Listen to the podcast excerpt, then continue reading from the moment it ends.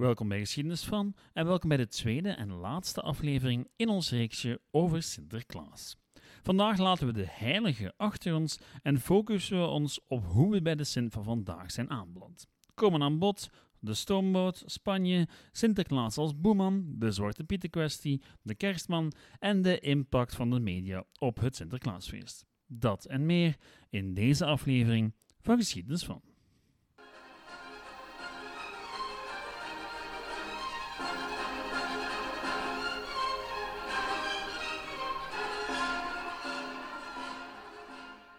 Voor we van start gaan met de aflevering, eerst even dit. Uh, u zal misschien heel vaag de regen horen die neerdondert op mijn dak tijdens deze opname. Ik heb geprobeerd om er iets aan te doen tijdens de edit, maar um, ja, het bleek nogal moeilijk. Ik woon en werk in een tropisch land. Het is momenteel nat seizoen. Ik heb niks van isolatie om dat geluid weg te werken, dus spijt mij als er op de achtergrond soms wat regen te horen is. Um, ik heb mijn best gedaan, maar kijk, hopelijk kan u desondanks genieten van de aflevering. Ciao! Beginnen doen we vandaag met een fragmentje uit het allereerste Sinterklaasboek. En hoewel geen van u dat boek ooit gelezen heeft, zal u wel zeker alle woorden kennen. Goed, hier gaan we. Zie komt de stoomboot uit Spanje weer aan. Zij brengt ons Sint-Nicolaas, ik zie hem al staan. Hoe huppelt zijn paardje, het dek op en neer. Hoe waaien de wimpels, al heen en alweer. Zijn knecht staat te lachen en wenkt ons reeds toe. Wie zoet is, krijgt lekkers. Wie stout was, de roe. Dit zijn de woorden op de eerste pagina van het prentenboekje Sint-Nicolaas en zijn knecht, door lagere schoolmeester Jan Schenkman, gepubliceerd in 1850 in Nederland. En dit vormt de basis van de moderne Sinterklaas. Niet de legende van de heilige, niet het middeleeuwse feest in al zijn versies. Nee, dit boekje. Natuurlijk spelen al die andere dingen ook wel mee en hebben ze de basis geschapen van de figuur, maar het is echt wel Schenkman die onze Sinterklaas geschapen heeft. De man die de mythe een nieuw leven geschonken heeft, dat paste binnen een nieuwe wereld. Een commerciële wereld, een wereld met een middenklasse, een wereld waarin kinderen vrije tijd hadden, speelgoed moesten krijgen en al die soort zaken. Het was een nieuwe versie van Sinterklaas en de versie die meegaat tot op de dag van vandaag. Al voel je wel dat sommige elementen van die versie niet altijd meer even goed passen in het hedendaagse maatschappijbeeld. Het Zwarte Pietendebat is daarvan een goed voorbeeld, maar daar kom ik straks nog op terug. Nu, geloof het of niet, de hele folklore rond de Goedheilig Man stond vroeger ook al af en toe eens op instorten.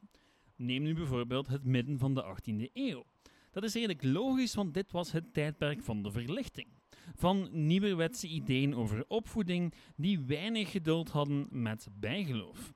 In de 16e en 17e eeuw waren het protestantse predikanten die Sinterklaas bekritiseerden. In de eerste helft van de 18e en de tweede helft van de 19e eeuw waren het net de wetenschappers en de gloednieuwe pedagogen die Sinterklaas zagen als een gevaarlijke mythe. Men mocht immers niet langer liegen tegen kinderen. Men zou eerlijk moeten zijn over waar die geschenken nu juist vandaan kwamen. Alles moest gerationaliseerd worden, inclusief de kindertijd. Rousseau zou in grote mate bijdragen tot heel dat idee trouwens. Nu, het feit dat ik en velen met mij als kind maar al te vaak mijn schoentje heb gezet voor een denkbeeldige man en zijn denkbeeldig paard, doet vermoeden dat die verlichtingsideeën nooit volledig zijn doorgebroken. En dat heeft dan weer alles te maken met de romantiek. Daarmee heb ik het niet over de liefde tussen man en vrouw, maar eerder een brede stroming van kunst en literatuur die opduikt aan het begin van de 19e eeuw, als een soort van reactie op al dat gerationaliseer. Men wou terug naar de volksverhalen, terug naar de verbeelding, naar oprechte emoties enzovoort. En in die context gaat Jan Schenkman dat eerste boekje over Sinterklaas neerpennen.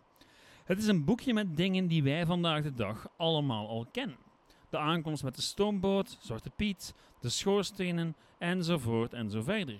En het gaat trouwens niet enkel om de beschrijvingen, maar evengoed om de afbeeldingen.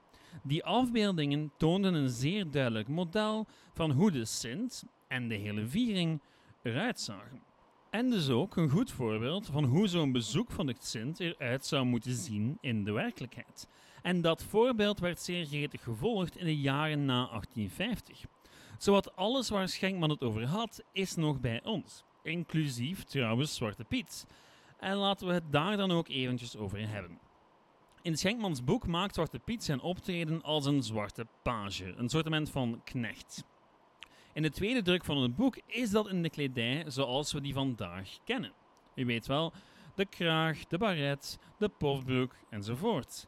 Maar waar komt die figuur nu eigenlijk vandaan? Is dat echt een koloniaal verzinsel of is het wat ingewikkelder? Nu, um, het is moeilijk en er bestaan zeer veel theorieën. Waarschijnlijk komt het idee nergens specifiek vandaan of net van een heleboel verschillende plekken tegelijkertijd. Want vele delen van Europa hebben wel degelijk een Sinterklaas-traditie, inclusief knecht. Maar behalve in de lage landen komt daar eigenlijk nooit een zwarte piet bij kijken. In Tsjechië zijn het duivels en engelen. In Indonesië een toverfee en clowns. In Luxemburg een man verkleed in stro. In Noord-Frankrijk een pater met een zweepje. En in Zwitserland de dood. Om maar te zeggen dat het niet zo vreemd is dat de Sint een knecht heeft. Wat vandaag de dag wel vreemd is, is dat dat een zwarte man is. Nu, er is geen sluitende verklaring voor zijn verschijning in Schenkmans boek of zijn bestaan in het algemeen. Um, er is niks dat we weten over de traditionele Sinterklaasviering in de Lage Landen of elders dat als precedent kan dienen voor Zwarte Piet. Toch niet met wat we van Schenkman hebben. Nu, er zijn wel verklaringen. Namelijk, de manier waarop de page weergegeven wordt in het originele prentenboek doet veel denken aan een personage dat vaak werd afgebeeld in kunstschilderijen van de 17e en 18e eeuw. Een zwarte knaap als een soort van achtergrondpersonage vaak samen met een blanke figuur, te paard. En, wel, dan begint er misschien al iets te klikken. Op de Facebookpagina vindt u normaal gezien een afbeelding terug van een rijder te paard, in dit geval Katerina I van Rusland, met naast haar een figuur die qua kledij en uiterlijk verdacht veel weggeeft van een zwarte piet. Het is niet al te vreemd om aan te nemen dat beelden als deze zich uiteindelijk op de Sinterklaas-traditie geënt hebben. En dan zijn er ook nog een heleboel andere theorieën die het hebben over Zwarte Piet als incarnaties van de helpers van de Noorse god Odin of gevangen genomen demonen. Voor Schenkmans boekje waren er hier en daar al wat vermeldingen van een zwarte boemanfiguren die geassocieerd werden met Sinterklaas, maar het is moeilijk om er echt grip op te krijgen. Pas na Schenkman duikt de figuur echt overal op. En bij Schenkman is de man initieel gewoon een knecht, maar naarmate de jaren vorderen, vervult hij ook een andere functie en wordt hij steeds problematischer, namelijk die van de boeman. Weet u nog hoe ik het in de vorige aflevering had over Sinterklaas als een soort van pedagogische tool voor ouders, schoolleerkrachten, de kerk? Wel, tegen midden 19e eeuw was Sinterklaas min of meer getransformeerd in een goedhartige oude man. Maar Volwassenen voelden nog steeds de nood om met negatieve gevolgen te kunnen dreigen als de kinderen zich niet gedroegen. Die negatieve gevolgen werden gepersonificeerd in de figuur van Zwarte Piet. Meer bepaald in de roe, de stok om mee te slaan, of de zak.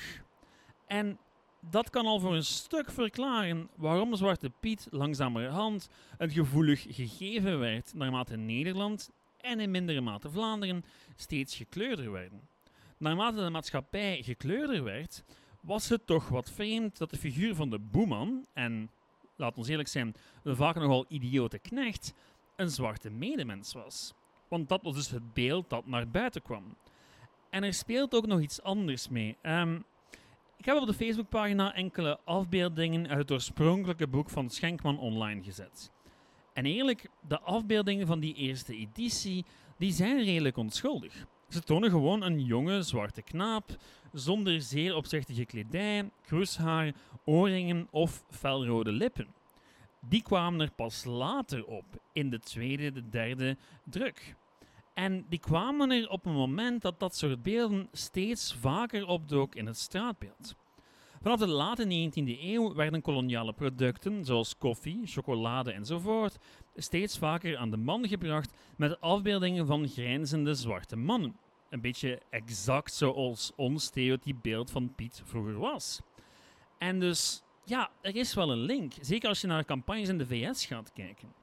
Nu, die afbeeldingen waren voor heel wat mensen de enige bron van hoe men er in Afrika uitzag.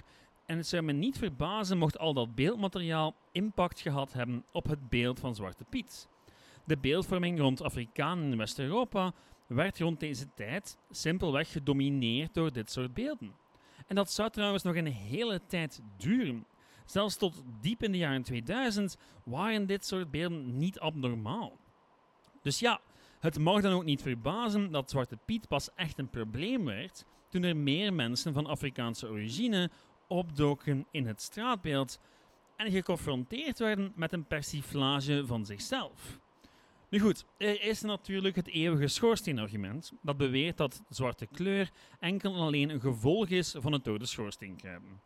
Um, goed, ik heb me altijd afgevraagd hoe dat kan resulteren in kroeshaar en volle rode lippen. Maar wat, het is iedereen wel duidelijk dat het tegenwoordig een zeer gevoelig onderwerp is. En men debatteert aan beide kanten met zeer veel passie. Vooral in Nederland. En ik wil mij echt niet mengen in heel die discussie, want ik vind ze redelijk nutteloos.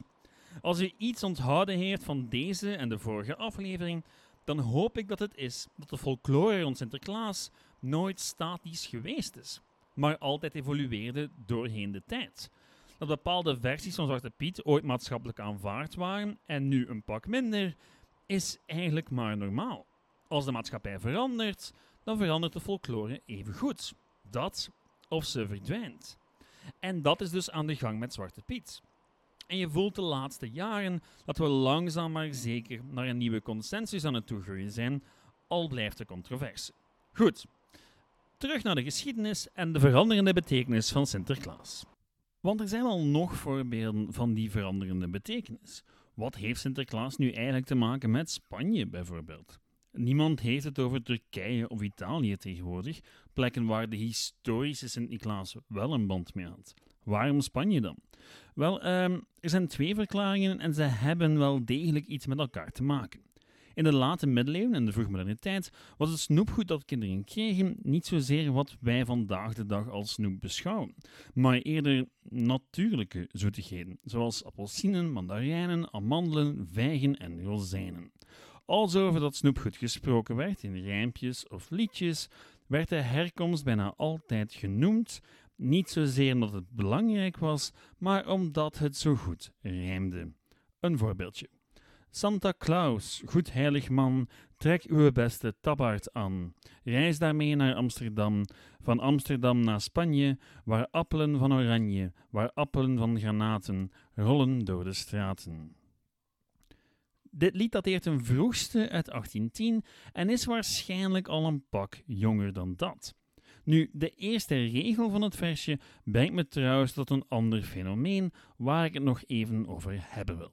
Santa Claus, oftewel de kerstman. Want hoe zit dat nu eigenlijk? Is dat nu gewoon een Amerikaanse vervelling van onze Sinterklaas, een commerciële uitvinding van de Coca-Cola Company om Amerikanen zover te krijgen ook in de winter Coca-Cola te drinken, of nog iets anders? Wel, het is vooral de eerste twee. De intrede van Sinterklaas in de nieuwe wereld begint met de komst van Nederlandse kolonisten in de 17e eeuw. Dat was nog het relatief traditionele Sinterklaasfeest op 6 december. Met der tijd zouden zich bij de Nederlanders een hele hoop andere volkeren voegen, waarvan een groot deel hun eigen tradities hadden, van een man die tijdens de wintermaanden cadeautjes uitdeelde, zoals bijvoorbeeld de Duitse Chris Kringle.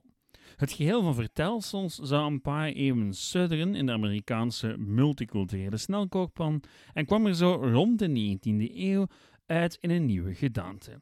Santa Claus, Santa Claus.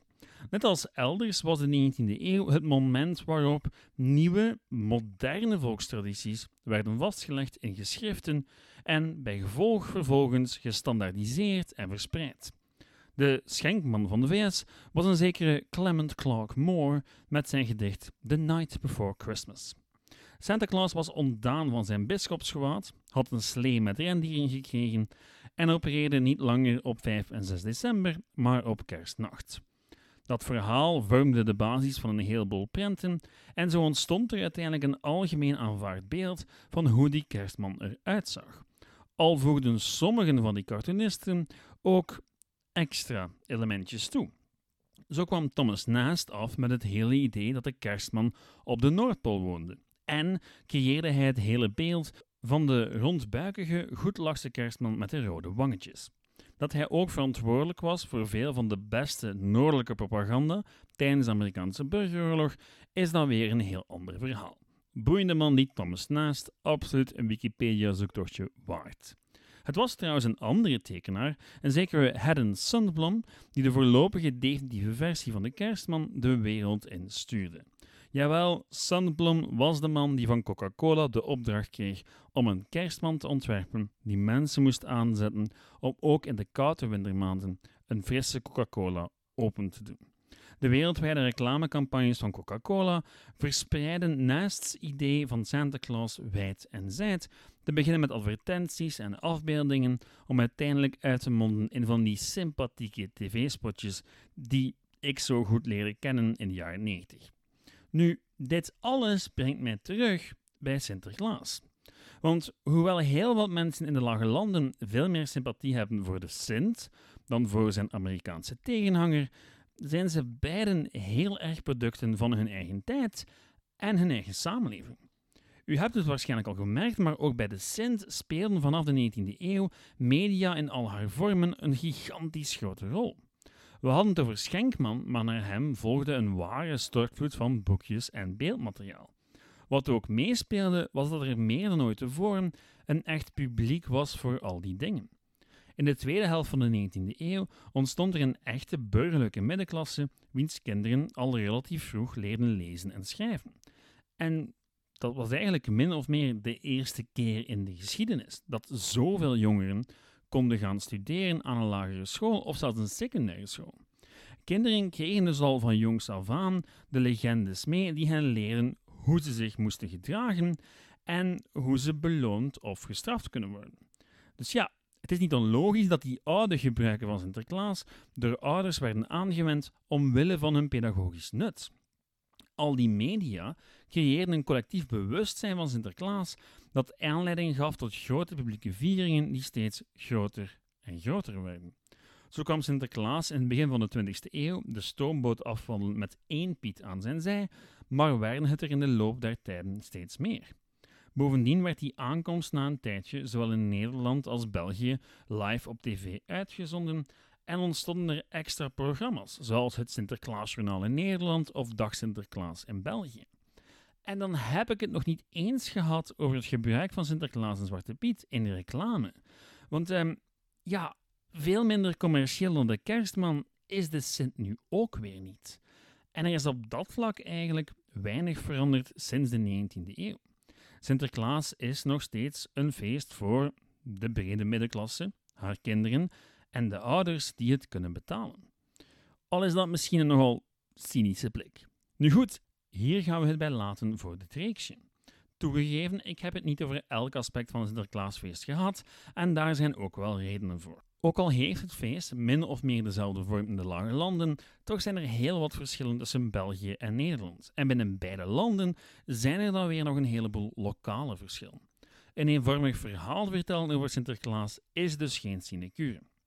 Mijn belangrijkste bron was net zoals vorige week het boekje Sinterklaas verklaard. Al ben ik er zeker van dat er wel meer te vinden is, maar ja, ik kan hier enkel werken met digitale bronnen, dus ja. De rode draad was toch altijd hoe Sinterklaas en Sinterklaasfeest steeds een antwoord waren op bepaalde maatschappelijke behoeftes en dus steeds ook hun eigen maatschappij weerspiegelden. Daarvan zijn in de literatuur nog een pak meer voorbeelden van te vinden dan ik hier heb gegeven, maar ik moet natuurlijk ergens een lijn trekken.